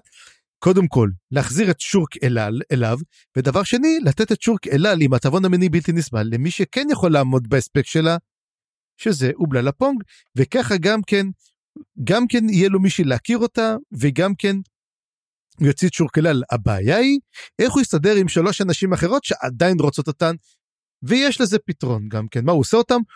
בסופו של דבר כשהן באות אומרות מה קורה הוא אומר תשמעו יש לי משימות כל אחת בטיז ישלוח לכי את לשם את לשם. זורק אותן למשימות רחוקות ומתברר דרך אגב שמדברות איתו שהוא הרוויח הון תועפות אומרות אתה לא עשית כלום איך הרווחת כבר כל כך הרבה כסף הוא אומר. לא אל תדאגי אני, אני מכיר את האנשים הנכונים הוא באמת עושה את זה נפלאות הן דרכי אבטהול. בדיוק הוא ואז הם מגיעים הם, ואז הת- התליין הולך הם מגיעים תהול ובאג נכנסים ותהול ובאג נכנסים לתוך בית הבושת ומה אני יכול לקרוא לזה אם לא בית השדיים שפשוט יש שם המעקים בצורת שדיים והדברים וכל פעם הם ניגשים. תשמע זה היה קטע כל כך מצחיק של ביניהם שמדברים ואז מדבר ואז פתאום תהול אומר לו לבאג אתה לא מקשיב לי מה אתה מסתכל על השדיים כל הזמן? ואז באג מדבר אומר לו ולמה אתה לא מקשיב לי? כאילו תפסיק להסתכל גם אתה הם פשוט לא, לא כל כך יכולים להביט אחד מהשני תשמע זה קטע גאוני. לא, זה קטע יותר, יותר, יותר גאוני, כי הם כל פעם אומרים גם משהו שאפשר להבין אותו בתרתי משמע. וזה מה שגורם לשני להבין. כן זה כאילו המשחקי, המשחקי דיאלוג של אריקסון בדואו הזה פשוט גאוני. אני מבין למה הוא באמת יכול גם לכתוב ספרי הומור, אה, ספרים הומוריסטיים לחלוטין. אה, יש, לו, יש לו את זה בהומור. וזה היה פרקים ממש ממש... אה, זה היה פרק ממש טוב כאילו ממש אה, נתן לנו גם את הקצת נשימה מכל הזוועות שקורות בצד האדורי. ואגב אני גם רציתי לדבר על זה שאנחנו אני לא חושב שיש סוף לדברים ש, שבאג יכול להכין בצורה גרועה. אני אני אני צריך לעשות פעם רשימה כזאת. הוא לא עושה שום דבר בצורה כן, לא, טובה אבל צריך לעשות רשימה של כל הדברים שהוא פיקשש או ו, והם ממשיכים עם הפארסה שזה כאילו בסדר עדיין. אז באמת זאת שאלה מה מה הוא עושה שם עלי בננה זה הדבר החדש עלי בננה כן עלי בננה זה נפלא. איך הוא אומר לו מה זה הרוטב הזה הוא אומר לא יודע זה מה שיצא מהם תשמע זה פש... אני לא יודע תשמע אני חושב ש... אני חושב שאני יותר חושב שבאג ועכשיו גם תיאול הם אלים כי אחרת הם היו מתים מכל מה שהוא אכל. וזה תשמע זה כל כך קורה הדבר הזה. ואז אה, בעצם שורק אל על מגיעה למנהלת בית הבושת שרק אומרת קחו אותה ממני אני לא יכולה יותר לשמור עליה ואומרת לה טוב ומה עם הכסף הרי הרווחתי הרבה הרבה כסף פה הם כן לקחה הרבה הרבה מאוד גברים ואז היא אומרת לה טוב וזה כאילו נשלם רק פשוט תעופי לי מפה ובאמת כן אובללה ושורק ופה כתבת האם זה shipping חכם או מטומטם בוא תסביר למה אתה מתכוון. אני מתכוון שמצד אחד זה גאוני כאילו יש לך אישה שלא יודעת שובע וצריכה אה, לספק את התאווה המינית שלה ויש לך גבר עם שלום גדול אה, שמחפש רק מישהי שתוכל אה, לקבל אותו ולהיות רק איתו או משהו כזה ותחבר ביניהם זהו איזה איזה. להכיר את, להכיר, להכיר את האובללה מאחורי השלונג. הכי מצחיק הוא שאתה יודע שכל פעם אני כותב אובללה אז התיקון טעות אומר לי אתה רוצה להגיד אבוללה ואני אומר לא זה, לא לא אותו דבר. אה, אה, וגם הבעיה שאתה העלית שבאמת יש לו כבר אה, מחזרות או, או מנצ... כן, אז המחזרות כבר ירדו לא, מהפרק. תראה בינתיים כן אבל מצד שני אני גם לא לא חושש מזה כי שורק יכולה להעיף אותן אתה יודע יש לה יש לה את זה ב, ב, כנראה ביכולות האיום, האיום שלהן למרות שגם הן מפחידות אז אני לא יודע אולי זה יהיה פה בלאגן ואין שלוש. אנחנו באמת גם כנראה נחזור אליהם אין לי מושג אבל נראה לי שאנחנו נפגוש אותם אולי בחלק רביעי של הספר כנראה, כנראה לקראת הסוף הם ישובו. ואחרי שטהול ובאג הם מסיימים והם מחזירים את אובללה אז טהול הולך ומבקר את קטל ותשמע יש משהו מאוד מעורר רחמים מאוד נוגע ומאוד קריפי בכל הנוגע לטהול ולקטל. הם מדברים וקטל מאוד תמימה כזאת, אתה יודע, ילדה תמימה ומספרת, וטהול מאוד מאוד נחמד איתה, הוא מאוד מדבר איתה יפה, הוא מאוד מאוד חביב אליה, והיא מבקשת ממנו שיהיה אבא שלה, היא אומרת, אמ, קטל, את שורקי כבר היא אימא שלי למרות שהיא לא רוצה, ואתה תהיה כמו אבא שלי. וזה מאוד עצוב כזאת ילדה שממש צריכה אבא ואימא. האם היא באמת קילמנדרוס או פשוט ילדה שפשוט עברה טראומה נוראית? אני לא יודע וזה עצוב בכל אחד מהמקרים הללו והיא אומרת אז משהו, היא אומרת תשמע יש איזה מישהי שמדברת אליי מתוך הקרקע מתוך ה... אז מתוך הבית עזס והיא אומרת שהיא תהפוך אותי לקיסרית אם אני אוציא אותה. ואני חושב שזה די בטוח שמדובר על אותה שלטת הלור נכון? יש מצב גדול האמת שאותה אני טיפה פספסתי זה טוב שאתה שמת לב אני שמתי לב יותר כשהיא דיברה על דוד שלה. והדוד שלה אני חושב שזה די עכשיו ברור במי מדובר לא? אה, אם זה סילצ'ס רואים אה, כי אה, שאלנו אם זאת היא או הוא יותר הגיוני שזה הוא עכשיו אם יש לה באמת דוד במגדל והוא זה שהיא מאמינה לו יותר. אה, כנראה שזה הוא כנראה שהוא הולך באמת לחזור אבל מצד שני היא גם מתארת שהמגדל מת הוא הולך או גוסס או הולך למות. לא הוא הוא מת בסוף בסוף הספר הוא, הוא מת בסוף הוא מת. נכון בסוף החלק הזה הוא באמת מת ונראה מה ההשלכות של זה יהיו. אבל היא גם דיברה על דרקונים שם ואני לא ברור לי למה היא התכוונה אני אני היא דיברה בהקשר לדוד הזה ש... שהוא קשור איכשהו לדרקונים. כן היא אומרת שהדוד הזה מדבר על דרקונים אז כן. אמ, זה כנראה סילצ'ס רוין. כן.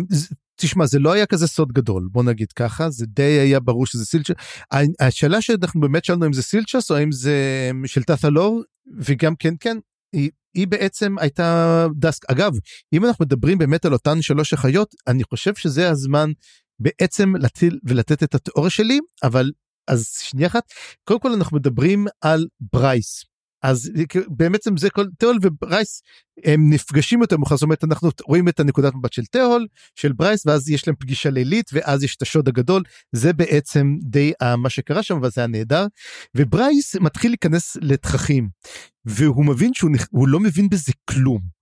תבין הוא מתאמן הוא יודע דבר אחד הוא בהתחלה מתאמן בחרבות ואז אחר כך הם עושים אימון אישי ומחוץ מזה שניהם אומר טוב זה, זה האלו של ג'נל שם שהיא שמה אצלי הם הם לא שומרים אמיתיים, הוא קצת מבין בזה, אבל הוא לא בדיוק מבין מה הוא ואיפה ומי נגד מי, והוא אומר, אני כל כך הסתבכתי, קיבלתי קידום, קודמתי מעבר למה שזה, אני עכשיו יש לי כבר תפקיד פוליטי, אני לא רוצה להיות פוליטי, אבל אומרים לו די, אתה לא יכול לבחור.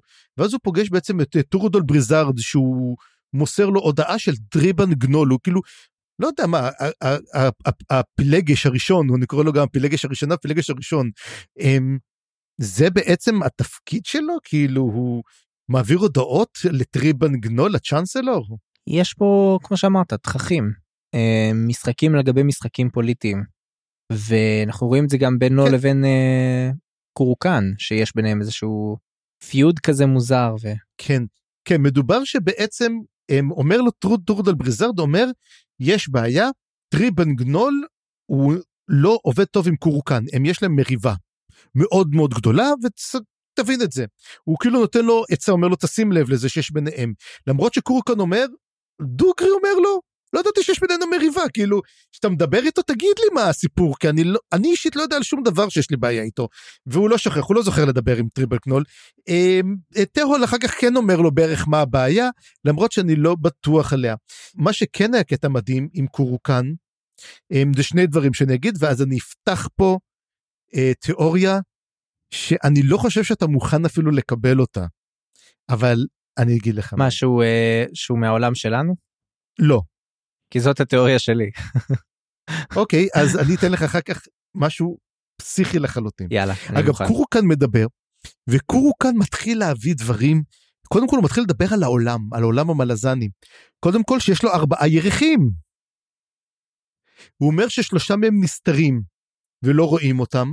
או שהם קטנים מדי, או שהם תמיד אנחנו רואים את הצד האפל שלהם, כאילו תמיד איכשהו, אה, לא יודע, או שבעצם, לא, אני לא יודע בדיוק איך זה בדיוק עובד, הוא מדבר על המון המון דברים, הוא מדבר על כל הגיאוגרפיה שיש להם שם, על כל הפיזיקה, הוא גם תלוי באוויר כזה, והוא מדבר על כוח המשיכה, כאילו, הרבה דברים מאוד מאוד מרתקים על כל העולם הזה, שאם אתה חושב, אנחנו אף פעם לא קיבלנו שום הסבר עליו.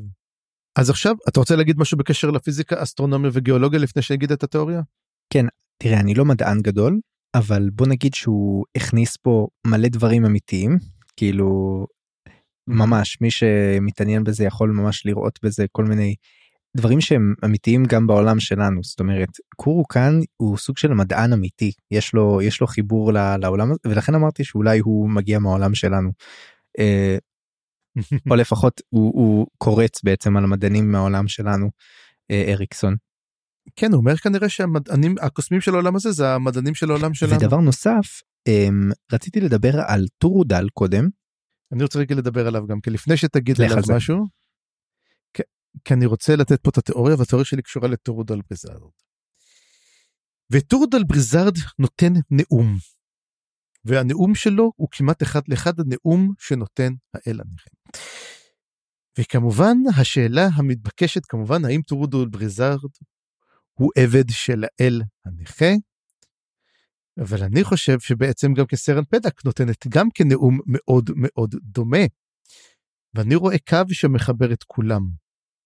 ואני אומר שלמעשה שלושתם אלים, ואני אלך להגיד לך מי כל אחד מהם. טורודל בריזארד, מי שחושף את היותו אל, הוא דווקא קורוקן. ושהוא אומר לו, מי הוא היה? אז שאומר, קורוקן אומר, בחור צעיר אומר, אה, ah, he was an errant. ואני אומר לך, טורודל בריזארד הוא הארנט. אין לי מושג למה, אבל יש לו מין חביב כזה נחמד, אתה יודע, מין כזה, יום אחד הולך לפה, יום אחד הולך לשם, יום אחד עם נשים, יום אחד עם גברים. יכול להיות, וגם הוא אומר שזה, האם זאת הטעיה של אה, אריקסון? יש סיכוי, אבל אולי לא. וסרן פדק, תקשיב טוב, היא מננדור. או סוכול אנקדו. ואני, אבל אני חושב יותר שהיא מננדור, ואני אגיד לך גם למה. כי אני חושב שבעצם סרן פדק היא זאת שאנסה את אודינס. שים לב דבר אחד, אין כמעט סצנות שאודינס נמצא עם סרן פדק. הוא רק פוגש אותה בסוף, והוא אומר לה הולכת להיות מלחמה. והם גם מזכירים כל הזמן גם כן את, את, את, הם מזכירים את איך קוראים לה באותו פרק שמדברים על המלחמה ועל סרן פדק הם מזכירים על החרב אמרו החרב היא מוכתמת אומר זה מזכיר לי את אחת האלות שלהם ואז מי אומרת ושים לב שהיא אומרת לו קוראים לה סונקולן קדו היא מכירה את הכל. אני חושב שיש סיכוי שאו סרן פדק היא או אה, מננדור או סונקולן קדו. טוב אני הייתי איתך עד החלק שבו אני באמת חושב שטורודל מושפע מהאל הנכה נגיד ככה לפחות. אה, זה גם היה לי ברור. עכשיו אם אתה משווה את הנקודות שהם אומרים בדיונים האלה שמזכירים את הדיון של האל הנכה ואת המונולוג שלו אז רואים שטורודל פחות או יותר מסכים איתו. סרן פדק לא מסכימה איתו וברייס לא מסכים איתו. זאת אומרת הם תמיד לוקחים את הצד השני בוויכוח. וזה מראה לי שסרן פדק כנראה לא שייכת לאל הנכה ואני לא חושב שהם אלים, אבל אני אוהב את הכיוון שלך. למרות שגם אמרת על באג שהוא הארנט, אז אה, צריך להחליט, זה או באג או הוא. מי מביניהם? כולם הם הארנט. הארנט הוא דיברס של מתחלק לאנשים. Uh, תשמע, אני, תשמע, אתה זוכר שכל אחד אנחנו הפכנו אותו לטיסטהדו? עכשיו שמצאנו את הטיסטהדו, כל אחד אצלי הוא הארנט, וכל אחד אצלי הוא זה כל כך 2020 צפריר.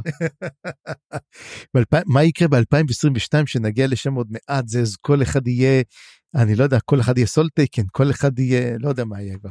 אז בעצם אז נדבר על הפגישות הליליות שמגיעים.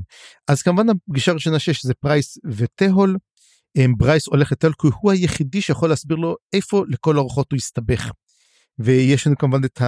הדיון הנחמד של תהול ובאג שהוא אה, עושה לו על, את העלי אה, בננה וכל הסיוטים האחרים ואז בעצם אומר לו תהול תשמע זה די ברור למה קורוקן אומר כי יש שני צדדים בממלכה יש את הצד של המלכה ואת הצד של המלך אתה בצד של המלך טריבן גנול הוא בצד של המלכה קורוקן גם בצד של המלך וזאת הסיבה ובעצם מה שטורודל בריזאד אמר הוא אמר תשמע אתה צריך לדעת מה הצד שלך. השאלה למה שטורודל בריזאד יגיד לו כי טורודל בריזאד הוא מהצד השני. הוא רוצה בוא... להגיד לו שתבחר את הצד הנכון. אולי הוא רוצה בעצם להסיט אותו. הוא רוצה לקחת אותו אליו. עכשיו עוד דבר אחד שאומר גם כן, אה, מדיאן תהול אומר, יכול להיות שגם כן הפילגש היא גם כן בצד של המלך, לא בטוח. תבין, זאת אומרת, אנחנו אומרים שבריזרד הוא אכן בצד של המלכה, אבל אה, ניסל, נכון? קוראים לה ניסל? אה, הפילגש לא בטוח שהיא בצד של אה, דיסקנר. עכשיו, אני חושב שדיסקנר די היה אמור לדעת את זה, הוא לא טיפש. הוא לא היה מחזיק מישהי שלו בצד שלו, וגם אנחנו ראינו שאותה פילגש גם היא רוקמת עם אותה הם, רמטכ"ל, אותה מפקדת של אה, ברייס, שהיא לגמרי גם כן בצד של המלך, מה שכן, הקווים נחצו, הם כמובן שקווילס וגם ניפדס הם בצד של המלכה. הם, ניפדס בצד של המלכה או של המלך? זה אני לא זוכר. ניפדס אני חושב בצד של המלך. אז תשים לב, במשלחת, במשלחת הסחר יש לך אחד של המלכה, אחד של המלך. אז הש, השאלה פה בעצם אמ, מה יקרה פה. אתה יודע מה עכשיו מעניין מאוד לראות איך המשלחת הזאת הולכת אה, להתקדם. אוקיי, אז זאת הפגישה הראשונה. הפגישה השנייה זה שוג ואובללה וזה קטע פשוט קורע מצחוק. אה, שאומרים טוב אני אומרת אני צריכה סחת דעת בשביל להיכנס לבית של גרון אבריקט ולגנוב ממנו. ואז הוא אומר לה, אה, אבל הוא אומר לה אובללה טוב אז מה נעשה? אומרת לו אני רוצה שתפגע בשומרים. אומר, למה אתה שומרים? אני לא מכיר אותם. מה לא? הם ממש לא מחבבים אותך. אומר, למה לא? הם לא מכירים אותי. עדיין, לא מחבבים אותך. והוא, אתה יודע, נכנס לאמוק, והוא בא ונכנס ומרביץ להם, אומר, אבל מה עשיתי לכם? למה אתם לא אוהבים אותי? פשוט קורא את המכות, אמ, והיא נכנסת ומצליחה לברוח אה, פנימה, ואז היא מתחילה היא עושה גם כן יש שם איזה סיפור עם איזה גנן איזה סיפור שהיא גם כן תופסת איזה גנן באמצע אה, ממשיכה עוד הלאה ותוך כדי שהיא מגיעה לחדר ויש כניסות משרתים היא עושה סיבובים היא מגיעה והיא רואה שבעצם יש שומר לפני החדר וזה מישהו מת. היא מתחילה לדבר איתו ולאט לאט הם מבינים שהם שניהם מתים וקוראים לו הרלסט אבריקט. ומתברר שזה האח שלפני עשר שנים של גרון שנפל מהמדרגות וכפי שנראה עדיין איתנו, לא במצב כל כך טוב. הוא אמר, תשמעי, אם היית מישהי חיה, היית נותן מה זה צרחות, מה זה הייתי עושה פה דברים, היית מתה מפחד וזה, אבל אם את לא, אז uh, מה, מה אני יכול לעשות? אומרת לו, בוא תעזור לי. הוא אומר לה, אוקיי. ויאללה, הם הולכים ביחד לשדוד, מכניס אותה לחדר, מראה לה את כל המלכודות, ועוזר לה להיכנס פנימה.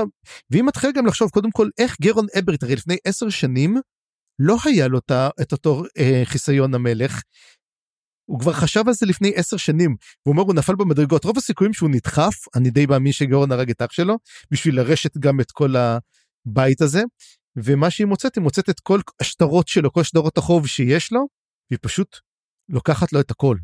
אגב יותר ממה שיש לו בדרך כלל זאת אומרת הוא שינע לשם כנראה הרבה כסף בגלל משהו שהוא מתכנן. כן גם כן הוא לקח גם מה זה יהלומים שם לא או משהו כזה הוא, לק... הוא משכן אה, נכסים או משהו כזה לא כן, לא יודע. הוא צריך המון המון כסף לקנות איזה משהו והיא פשוט שודדת לו את הכל מכה מטורפת של תהול נגד גרון וכשהוא יחזור הם מישהו הולכים לשלם על זה והם כמובן שכבר לא ובאמת האחרון. ואומרים שקטל כבר הרגה את כל המתנגשים שהיא שלחה. וכמובן שזה נחמד אבל קטל אז שומעת באמת את הקולות מהאדמה שזה סילצ'ס רואין ובית האדס מת. היא אומרת כבר היא הביאה המון המון מתים אבל זה לא מצליח בית האדס אה, נפח את נשמתו. וזהו זה ועכשיו סילצ'ס רואין כבר חופר את דרכו החוצה ואני מאמין שאנחנו נתחיל לראות אותו. וזה הספר בעצם נגמר ש... הספר נגמר בעצם עם, עם מה שקורה של המלחמה, אבל החלק הזה באמת שנגמר שזהו זה, אנחנו עבר שינוי מאוד מאוד גדול בעצם, אמ, בעוד שמשהו מעניין, המתים קמים לתחייה, ומה שנצחי, הבית הזה, מת. ויש פה היפוך מאוד מאוד גדול במה שאנחנו מכירים כחי. אני חושב שבאמת הנושא המרכזי של התמה, אתה יודע, חוץ מבעצם האם, אתה יודע, מלחמה או שלום, סדר או כאוס, זה חיים ומוות. ומה הם החיים ומה הם המוות, כי אנחנו רואים אנשים שמתים וקמים לתחייה, חלקם רוצים להישאר חיים. אמ, אגב, היא שואלת גם את אה, ארלס אבריק, היא אומרת לו, אתה רוצה למות? הוא אומר, אתה רוצה? אני יכול, אתה יכול גם כן לעשות את הטיפול הזה, הוא אומר, לא, אפשר אולי לחדד לי את השיניים, לעשות לי ציפורניים, אני רוצה להיות יותר מת מפחיד. כאילו, אגב, אנחנו מקליטים היום בהלואוין, דרך אגב, היום הלואוין. כן, זאת לגמרי, זאת רמיזה כזאת לעל מתים הקלאסיים של כן. הערפדים ואנשי זה וכל הדברים האלה. כן, כי הוא רואה את זה, אבל היא בעצם, זוכרת, זה המתים שרוצים להיות חיים והחיים שרוצים להיות אה, מתים. אתה יודע, וגם כן, מה עדיף, האם המוות עדיף על החיים, אה, וגם מה שמת קם לתחייה בעצם, כמו שרואים, עידן חדש נולד, העזס מת, ועכשיו השאלה, האם האדס שהיה בגנבקיס, בית פינס שנולד, האם הוא נולד באותו זמן ובגללו גם הוא גרם למוות הזה? אבל הוא ביבשת אחרת. האם יש כמות מוגבלת? ועכשיו השאלה הגדולה, האם זה אומר שבכל היבשת של לת'ר אין כרגע בית עזה אחד? ומה זה אומר גם לגבי השומר של, הבק... של, של זה? כן, הרבה השלכות עשויות להיות הדבר הזה, מעבר לסילצ'ס עצמו. כן, וכמו שאני אומר עכשיו, זהו זה, סיימנו בעצם שני חלקים, סיימנו חצי ספר. ואנחנו עכשיו לקראת uh, הספר, uh, לקראת החלקים הבאים. ואוף, זה ממש, uh, ממש מותח. צובר תאוצה ממש. אני, עכשיו אני מרגיש שאני ממש כבר uh, בתוך הספר. מושקעים לגמרי פה, אה? מושקע לגמרי, כן. כל הצדדים שלו אגב. וכן גם בחלק הזה באמת היה נטע יותר לכיוון של ההדורים. שם קרה הבומבה הגדולה. אבל גם גם מה שקורה פה מעניין מאוד. אני מאוד אוהב את הפרקים של תהול ובאג. הם כל כך כיפים כל כך נחמד uh, לשקוע בדיאלוגים משעשעים ומרתקים ואני אוהב את ה, גם את, ה, את העניין הזה של תהול שהוא סוג של uh, גאון כזה ש, שנראה ומתנהג ממש אחרת ובאג שתשמע אני אני כל כך כבר מת לדעת מה הסיפור שלו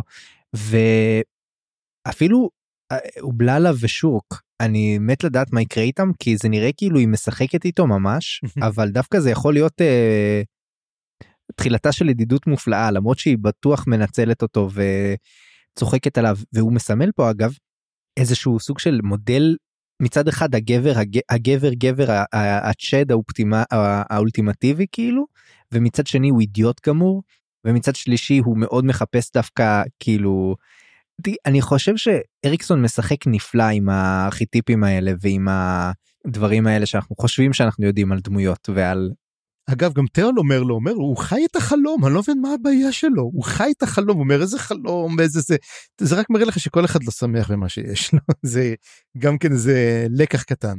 אז זהו, אז אני, אני, אני מצפה שבפרקים הבאים, בחלקים הבאים אנחנו נראה בעיקר את הסיפור של תהול מתחיל לצבור תאוצה ולה, ולהגיע בעצם לפאנץ'. ודבר שני להתחיל להבין איך זה קשור איך שני החלקים האלה מתחברים ואולי זה אומר מלחמה ואולי זה אומר משהו אחר. האם אתה אומר שזה תהול בדיקט נגד אה, רולד? משהו כזה. וואו. תשמע. או סילצ'ס רואין. וואי, תשמע. הולך להיות פה מגניב. תשמע, הוא בנה. הוא בנה לך פה משהו והוא בנה לך את זה מאפס, תבין, הוא כאילו התחיל פה סדרה חדשה בספר הזה. ולא רק שהוא עושה את זה, אתה אומר לעצמך, אולי נשאר איתם ולא נחזור לחבר'ה בשבע ערים. אתה יודע, אנחנו היינו איתם הרבה וזה וכל, אבל, אבל נראה שפה האקשן האמיתי. אתה יודע, פה אנחנו מתעסקים בקסם קמאי, ב... האמת הולכת להתגלות לנו, נפרסת לנו מול העיניים.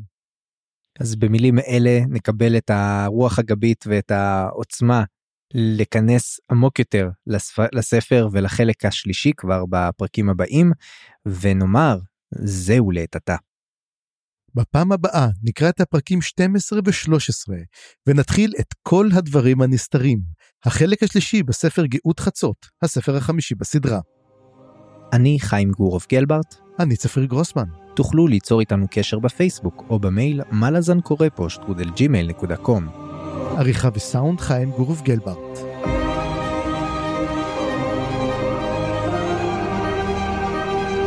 הצטרפו אלינו לדיונים בקבוצת הפייסבוק, מה לזן קבוצת קריאה. תודה שהאזנתם, וניפגש בפרק הבא.